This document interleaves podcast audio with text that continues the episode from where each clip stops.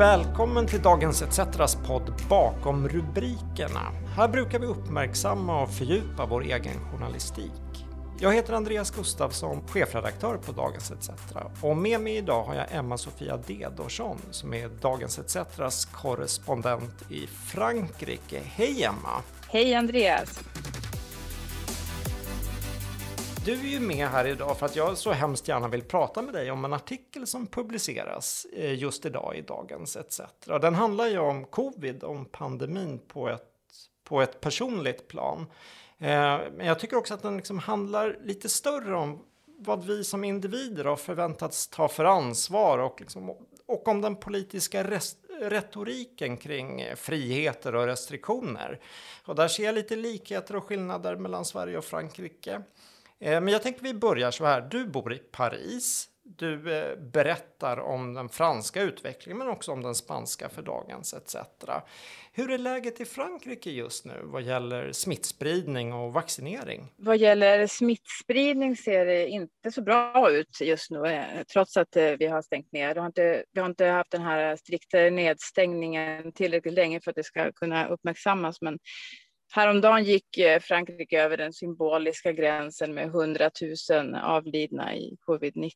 Eh, det är drygt 5 miljoner smittade. Samtidigt ligger nästan 6 000 personer inlagda på intensivvårdsavdelningar och runt 40 000 personer smittas varje dag. Så att det, det ser inte bra ut vad gäller smittspridningen. Vad gäller vaccineringen så har jag lite bättre nyheter. Det var väldigt trögt i början. Eh, men det har börjat, de har börjat komma igång nu. Det har accelererat och eh, igår skulle de enligt målen eh, ha kommit upp i 10 miljoner vaccinerade, men de är redan uppe i, eller vi är redan uppe i 12 miljoner som har fått sitt första, sin första spruta och räknar med att runt 20 miljoner ska ha fått bli vaccinerade i maj. Och i slutet av sommaren ska alla som vill, alltså augusti, då, ha i Frankrike har kunnat bli vaccinerade. Sen är det ju det här med alla som vill då, eh, den eh, ökända vaccinskeptiska eh, fransmannen som, som inte vill vaccinera sig. Det här har förändrats. Det var nästan 40 procent bara av, av fransmännen som ville, som sa enligt en opinionsundersökning i, i, bara för, i början av året, att de skulle gå med på att vaccinera sig. Och det har ökat till nästan 60 procent och ökar fortfarande. Så det, det, verkar som att fler än vad som befarades kommer att acceptera den här vaccin, vaccineringen, men kanske inte tillräckligt många ändå. Men vad tror du att det beror på att man har ändrat attityd kring vaccin? Är det för att sjukdomen är så brutal i sig eller är det för att myndigheterna har lyckats förklara risker och fördelar? Ja, det är väl en kombination och trött. Alltså, vi, de pratar ju om det här eh, vaccinpasset, att man ska få större friheter. Eh, det är inget som är beslutat ännu, men eh, om man har vaccinerat sig. Folk är trötta på den här situationen. Folk är trötta på att inte få gå ut och inte få roa sig och inte få träffas. Så jag tror det är det det handlar om, att eh, vi orkar orkar inte längre helt enkelt. Inte ens vaccin, vaccin antivaxrörelsen. Nej, man, man, ser lite samma tendens här i Sverige också. Att de som från början sa att de var väldigt tveksamma, många av dem har ju ändrat sig nu och eh, längtar efter sitt stick. Mm. Ja, det är precis samma sak som eh, kanske ännu mer eh, i Frankrike. Och sen så är det ju också myndigheter, eller politikerna då som som pratar om eh, att eh, ens friheter inte kommer, man kommer inte vara lika fri om man inte har vaccinerat sig. De, de, det är redan så vad gäller vaccine, vaccinering av barn så, eh, så är det inte längre olagligt, det var det fram tills nyligen, att inte vaccinera barnen. Men å andra sidan så får man inte skriva in barnen eh, i skolan utan att vaccinera dem och eh, skol, det är skolplikt från tre års ålder. Så att mm. de går runt det här och så det blir ändå ett politiskt, en politisk press men, men nu tänker du kring andra vaccin än just mot eh, covid? Ja, precis. Mm. Och det, det, är lite samma, samma strategi. Just det, just det. Frivilligt, men det, det, är egentligen inte så frivilligt om man vill delta i samhället som en fullgod medborgare så att säga. För ett år sedan, lite drygt, så skrev du en, en artikel om att din svärfar, dina barns farfar, hade gått bort i covid. Och den här blev väl, väldigt läst. Jag tror att det är den, faktiskt den text som har blivit mest läst och engagerat flest av all vår rapportering kring covid. Och det var en väldigt personlig text om att inte få ta farväl på ett ordentligt sätt och att, de inte, och att inte få vara där för att trösta efterlevande. Idag är det ju en uppföljande artikel att eh, du och din familj faktiskt kan resa till Spanien för en minneshögtid trots att pandemin inte är över. Och du skriver att du är kluven inför det här. Jag, jag är lite nyfiken på hur du tänker. Eh, just det här med pandemin fortsätter, men ni, ni måste åka, visst är det så? Ja, eh, vi har redan åkt. Eh, hur tänker jag? Eh, det här, alltså för det första, just den här personliga texten. Vad gäller den här pandemin som reporter? Jag har ju eh, rapporterat om alla möjliga eh, dramatiska händelser i andra sammanhang, eh, som migrationskrisen på Medelhavet, eh, humanitära kriser, krig. Jag har varit i inbördeskriget i Sudan. Men när det gäller pandemin så är det ju någonting som jag inte kan åka hem ifrån. Och det blev extra tydligt med just, eh, just för oss då, eftersom att vi förlorade eh, barnens farfar för, för lite drygt ett år sedan.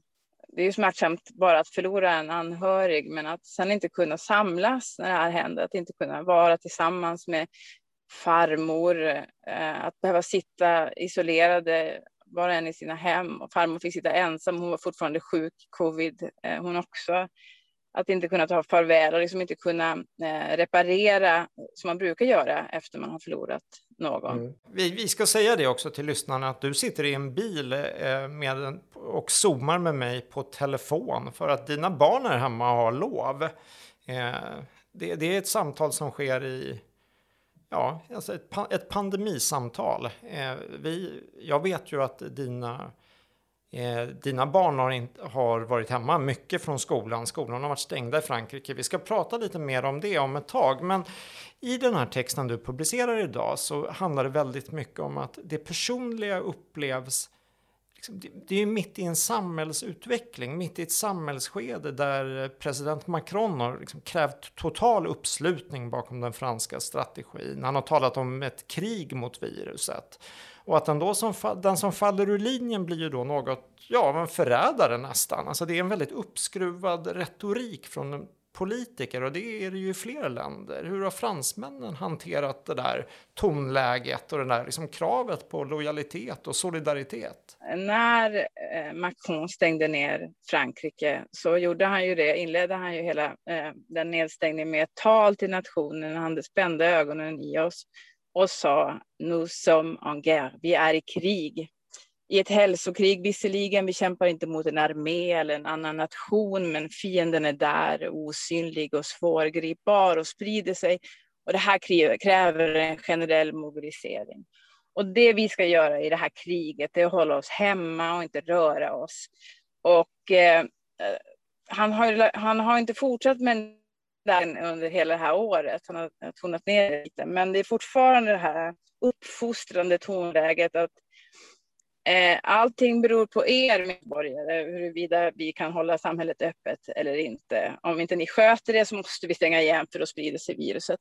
Och det var det jag skrev i min text då, att det, det, eftersom att han använde sig av den här krigsretoriken och inte bara han, utan den används ganska frekvent, så, så blir de här krigsjämförelserna väldigt lätta att ta till hands. Och när vi då sätter oss i bilen mitt under brinnande pandemi Eh, mot alla rekommendationer. Vi har visserligen tillstånd till det, men viruset struntar i våra om, ömmande omständigheter. Mot alla rekommendationer så satte vi oss i bilen. Men eh, det jag skriver om i texten är just att jag är rädd att berätta det här för människor, just för att det ligger en skam. Det ligger även i Sverige, just det här skamliga i att, att inte följa rekommendationerna, att inte bära munskydd på rätt sätt, att eh, gå ut och äta med människor, att gå ut och roa sig. Det, det finns olika grader av medlöperi med eh, fienden, som i det här fallet är ett eh, viruset, då, att låta det sprida sig. Och det gjorde vi oss skyldiga till då när vi reste dit. Så att jag kände en slags skam när jag satte mig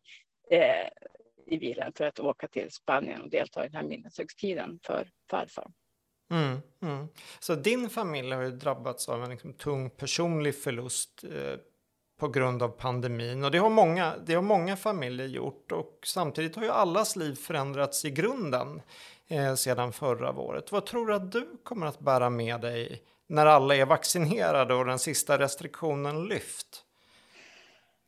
Alltså, vad jag kommer att bära med mig, det är ju det här behovet vi har av varandra.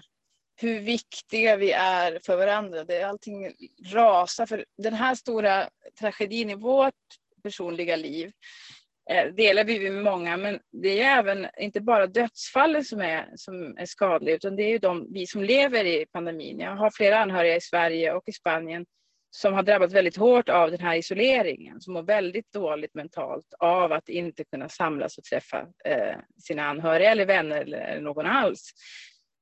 Eh, så det kommer jag bara med mig, hur viktiga vi är för varandra. Mm, mm. Frankrike då, om vi tar som Frankrike som nation, ser, ser du att Eh, det kommer att ske någon långsiktig förändring på grund av pandemin och erfarenheterna från pandemin? Det är lite svårt att säga, men jag tror det finns eh, två linjer. Den ena är ju då att något som uttrycktes även från regeringen, att vi såg hur eh, Eh, viktig välfärdsstaten och det gemensamma är för att klara sig igenom eh, en sån här kris. Eh, det är en linje. Sen finns det en annan linje som är väldigt, går mer åt det nationalistiska hållet och handlar om att vi skulle kunna ehm, undvika sådana här kriser genom att stänga gränserna. Och det är inte bara då högerextrema Marine Le Pen och, och, och liknande som, som är inne på den här linjen, utan det kommer både från höger och vänster. Så att på lång sikt så skulle det kunna leda till antingen eh, ett större gemensamt eh, ansvar eller, eller både och, mer instängda stängda länder helt enkelt, stängt land för Frankrike. Frankrike går ju precis som Sverige till, till val nästa år. I Frankrike ska det väljas ny president i, eh, i vår, nästa vår. Eh, och Eh, man får väl anta att pandemin kommer att vara väldigt färsk i, i minne i, i valrörelser både i Frankrike och i Sverige. Och du har ju visat i flera reportage just detta med välfärdens brister och vilka som bär upp viktiga samhällsfunktioner. De som inte kan jobba hemifrån, de som ska ut i kollektivtrafiken, som ska städa och hur hårt det slår mot dem, alltså pandemin slår mot dem. Är det, är det här en levande diskussion i Frankrike idag? Vad ska vi säga, vilka som eh, vilka som drabbas hårdast av pandemin? Det har kommit eh, rapporter som har visat på eh, dödlighet i de mest tätbefolkade och, och ekonomiskt utsatta kommunerna. Så de har varit, eh, det är skillnader som det, det har ökat, dödligheten har ökat till exempel i, i Saint-Denis med 123 procent ökade den första halvan av förra året. Mm. Till skillnad från 22 procent i, i resten av, uh, i Frankrike i stort. Så um, det här är någonting som, som det talas om, men jag vet inte om det kommer bli den viktigaste frågan ändå i, i valet. Jag är rädd att det inte blir det. Jag måste ju få skjuta in en fråga om den berömda Sverigebilden också. Vi, vi, här i Sverige är vi ju besatta av hur vi upplevs utomlands och det har varit en, alltså en del av debatten sedan pandemin startade tycker jag. Eh, och på ett sätt stämmer det ju att den svenska strategin har fått internationell uppmärksamhet, både positiv och negativ. Eh, mest negativ kanske. Hur är det i Frankrike? Har ni diskuterat Sverige där? Den är inte så viktig som den kanske är i Sverige. Alltså det, är, det är inte så stor fråga då i Frankrike som naturligtvis som den är i Sverige. Eh, men den existerar. Eh, å ena sidan så i Sverige kan ur ett svenskt perspektiv kan ju Frankrikes restriktioner och nedstängning och så ses som väldigt eh, eh, strikta i jämförelse med, med, med de svenska. Men ur ett franskt och ett eh, sydeuropeiskt perspektiv så är de ganska, det kallas för nedstängning light. Vi har aldrig behövt vara inne helt och hållet. Vi har alltid kunnat gå ut och leka med barnen. Hela det här skolåret, alldeles fram till nu för någon vecka sedan, så har barnen fått gå i skolan.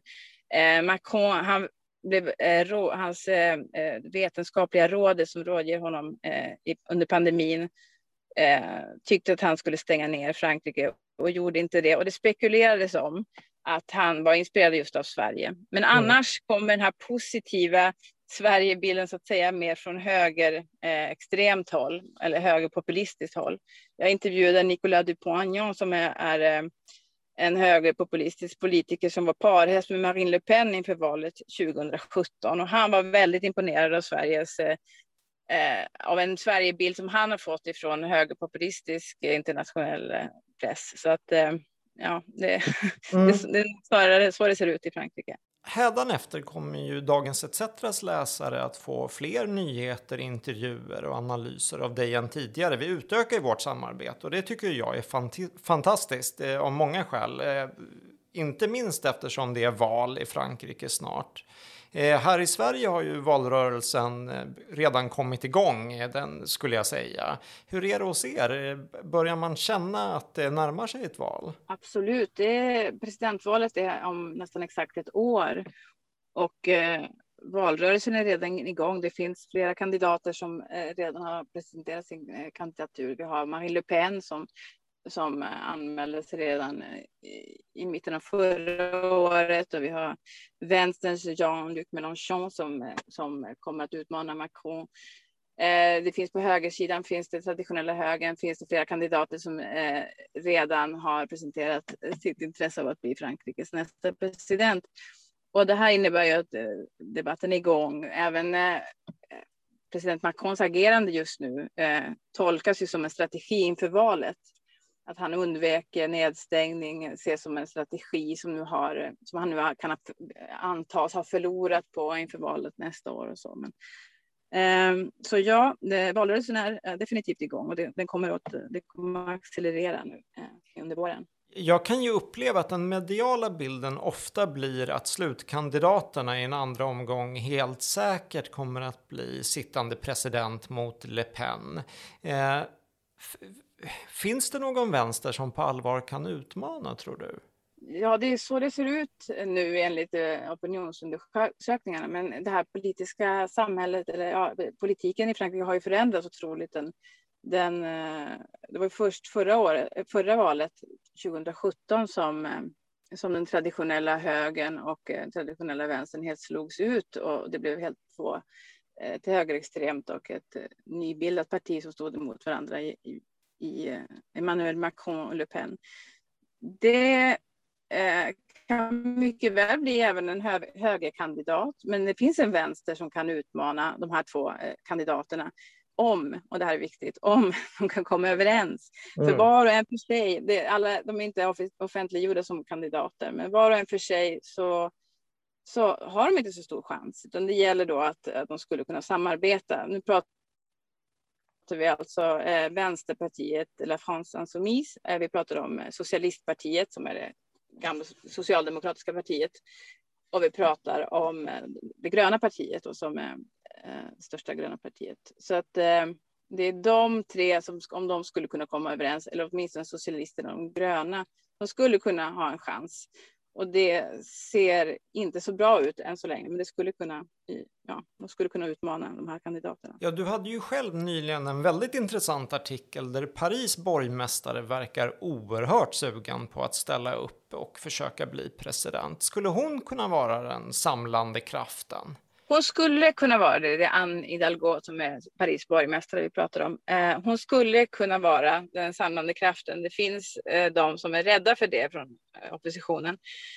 Om hon skulle kunna samarbeta med de gröna och då den förmodade kandidaten Yannick Jadot. Ehm, Mm, men det är inte alls säkert. Hon, just nu som borgmästare i Paris så sam, äh, har de inlett ett samarbete med just det gröna partiet och det är stora konflikter. Och hennes problem just som presidentkandidat är svårigheten att äh, samarbeta med andra, äh, andra gröna eller rödgröna partier. Så, som det ser ut idag så skulle 8 procent av rösterna välja, väljarna rösta på henne om det vore presidentval idag. Men eh, det ser i alla fall bättre ut än vad det gjorde bara för eh, några månader sedan. Vi lär få anledning att återkomma till den fransk, det franska politiska livet och valrörelsen. Jag, jag tänkte runda av lite nu med att återknyta till det här med pandemin. Eh, så rent vardagligt, dina barn har lov nu i ett par veckor. Vad kan ni göra? Vad är öppet? Vad, vad kan ni inte göra? Vi eh, får gå ut eh, hur länge vi vill under dagarna. Det är utegångsförbud från sju på kvällen, så eh, under hela dagarna får vi vara utomhus och vistas utomhus inom en radie på 10 kilometer hemifrån. Så man får inte röra sig längre än 10 kilometer ifrån sitt hem, men man kan vistas utomhus hela dagarna. Till skillnad från hur det var för ett år sedan när man bara fick gå ut en timme och en kilometer ifrån sitt hem. Man behöver inte heller fylla i något formulär för att röra sig inom den här radien, man får vistas fritt eh, utomhus. Eh, men man får inte röra sig längre bort än så utan att ha ett formulär som man har skrivit in med en godkänd anledning. Och eh, inga affärer utom de absolut nödvändigaste affärerna eh, är öppna. Och dit hör då mat, mataffärer, apotek och även eh, bokhandeln och, eh, och skivor och sånt får man köpa. Men man får inte, inga kläder och inga, inga annat får man handla. Det måste man ju ändå älska, att, att, att bokhandlar prioriteras framför... Det är, det är jättebra och det, är, så var det inte enligt eh, förra nedstängningen, så det har något de har ändrat på nu. Men sen är allting stängt, det vill säga restauranger, biografer, museer, allt är stängt. Så att, mm. Eh, ja, och från sju på kvällen så får vi inte vistas utomhus, eh, inte ens för att träna eller så. så att, det är ganska strikt. Och mm. barnen skulle då gå i, skolan Eh, förra veckan, men gjorde inte det utan det var distansundervisning. Och nu har de eh, tidigare ställt lovet. Barnen har två veckors lov, så det är tre veckor sammanlagt. Mina barn är ganska små, så de, det är bara tre veckor som gäller för dem.